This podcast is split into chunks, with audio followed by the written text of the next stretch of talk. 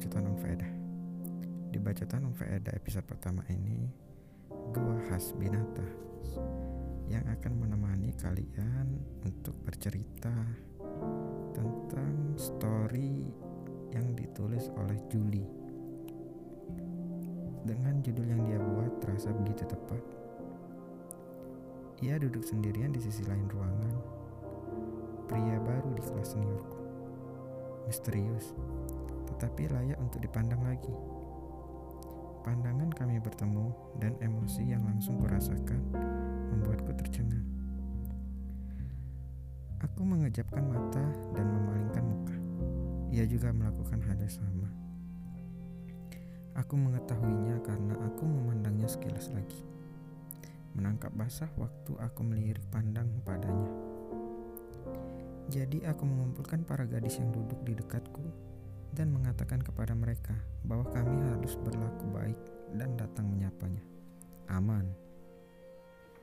Kemudian ia mulai bergaul bersama gengku dan diterima dengan baik.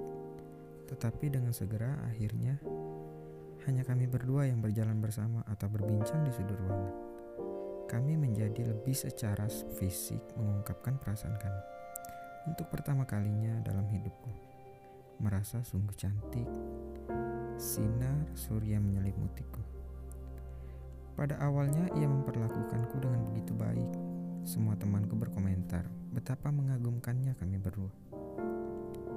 Ia benar-benar menyukaiku dan mau melakukan hal-hal yang aku suka. Ia membelikanku hadiah-hadiah kecil dan ciumannya yang tepat waktu meluluhkan hatiku. Tentu saja, ia memujukkan melakukan hal-hal biasanya.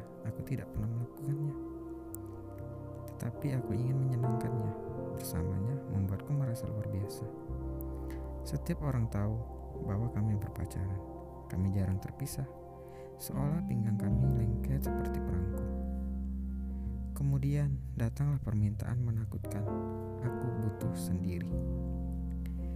Kemudian semuanya berubah Awalnya aku tidak benar-benar memperhatikan atau sejujurnya, aku memilih untuk mengabaikan tanda-tanda itu. Saat dia muncul satu jam terlambat dan kemudian menghabiskan sisa malam itu dengan meminta maaf. Lingkaran-lingkaran merah di bawah kelopak matanya dia katakan karena terkuras kerja dan kuliah. Ada waktu-waktu dia seolah berada di tempat lain, dan aku harus menarik perhatiannya kembali padaku. Kemudian datanglah permintaan menakutkan, yaitu aku butuh sendiri. Aku memenuhi permintaannya. Aku pikir itu hanya sementara. Kita semua mengalami stres, dan meskipun aku ingin berada di sana untuknya, dia mengatakan ingin sendirian. Aku mencoba untuk tidak membiarkan itu terjadi padaku, tetapi itu tetap terjadi Tengah-tengah malam aku akan memeluk bantal dengan berurai air mata. Tidak tahu bagaimana berbicara dengannya tentang perubahan perasaannya kepadaku. Lama-kelamaan dia jarang kelihatan. Aku menyaksikannya ketika dia menyelinap keluar dari hidupku secara bertahap pada awalnya. Kemudian seperti skateboard, mengambil momentum di jalan menurun. Ia melaju pergi, meninggalkanku dalam kehancuran bingung, tertolak dalam kesedihan apa yang sudah kulakukan. Teman-teman mulai memberitahuku bahwa mereka telah melihatnya bersama gadis lain. Aku tahu mereka maksud baik memberitahuku, tetapi aku benar-benar tidak ingin tahu. Dua bulan kemudian, dia muncul di salah satu tempat nongkrong favoritku dan bertanya, "Apakah kami bisa bicara?" Aku hampir tidak mengenalnya. Kulitnya abu-abu, dan matanya kosong. Dia memberitahuku bahwa kami terlalu dekat dan itu membuatnya takut. Tetapi dia menyadari bahwa tanpa diriku dia menjadi lebih buruk. Aku menerimanya kembali dan segala sesuatunya seperti ketika kami pertama kali bertemu. Untuk sementara, kemudian pola lama mulai muncul ke permukaan. Kali ini, akulah yang beranjak pergi. Seorang negarawan terkenal pernah berkata, Menipu aku satu kali, betapa memalukannya kamu. Bisa menipuku dua kali, betapa memalukannya aku. Tiga bulan kemudian dia muncul di depan pintu rumahku.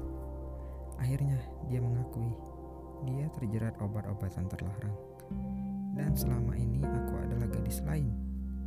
Dia berpikir karena aku wanita baik, maka aku bisa menyelamatkannya.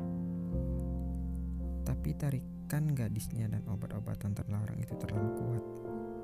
Sekarang gadisnya hamil, meskipun dia tidak mencintainya.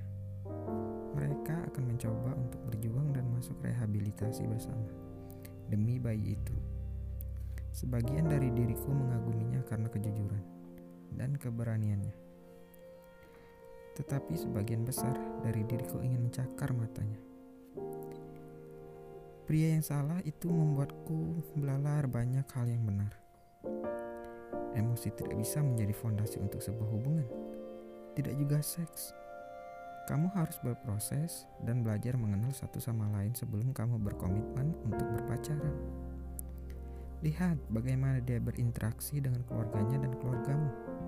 Dan tanyakan kepada sahabat sejatimu bagaimana insting jujur mereka tentang dia.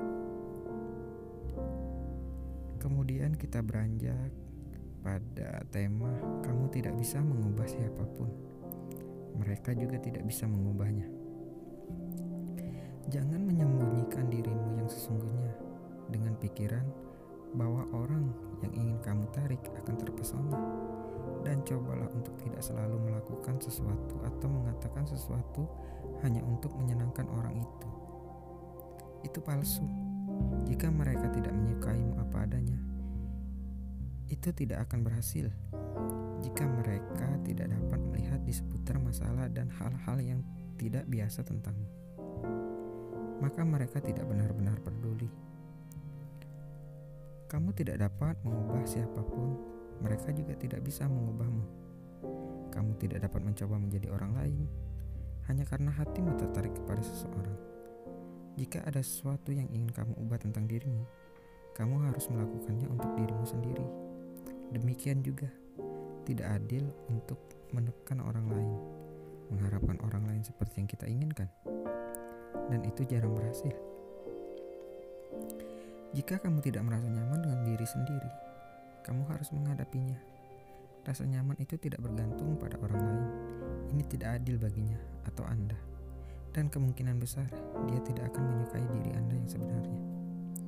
Ketika terungkap dan itu akan terjadi, dia mungkin hanya melihat aku sebagai dasaran empuk atau permainan untuk meningkatkan egonya.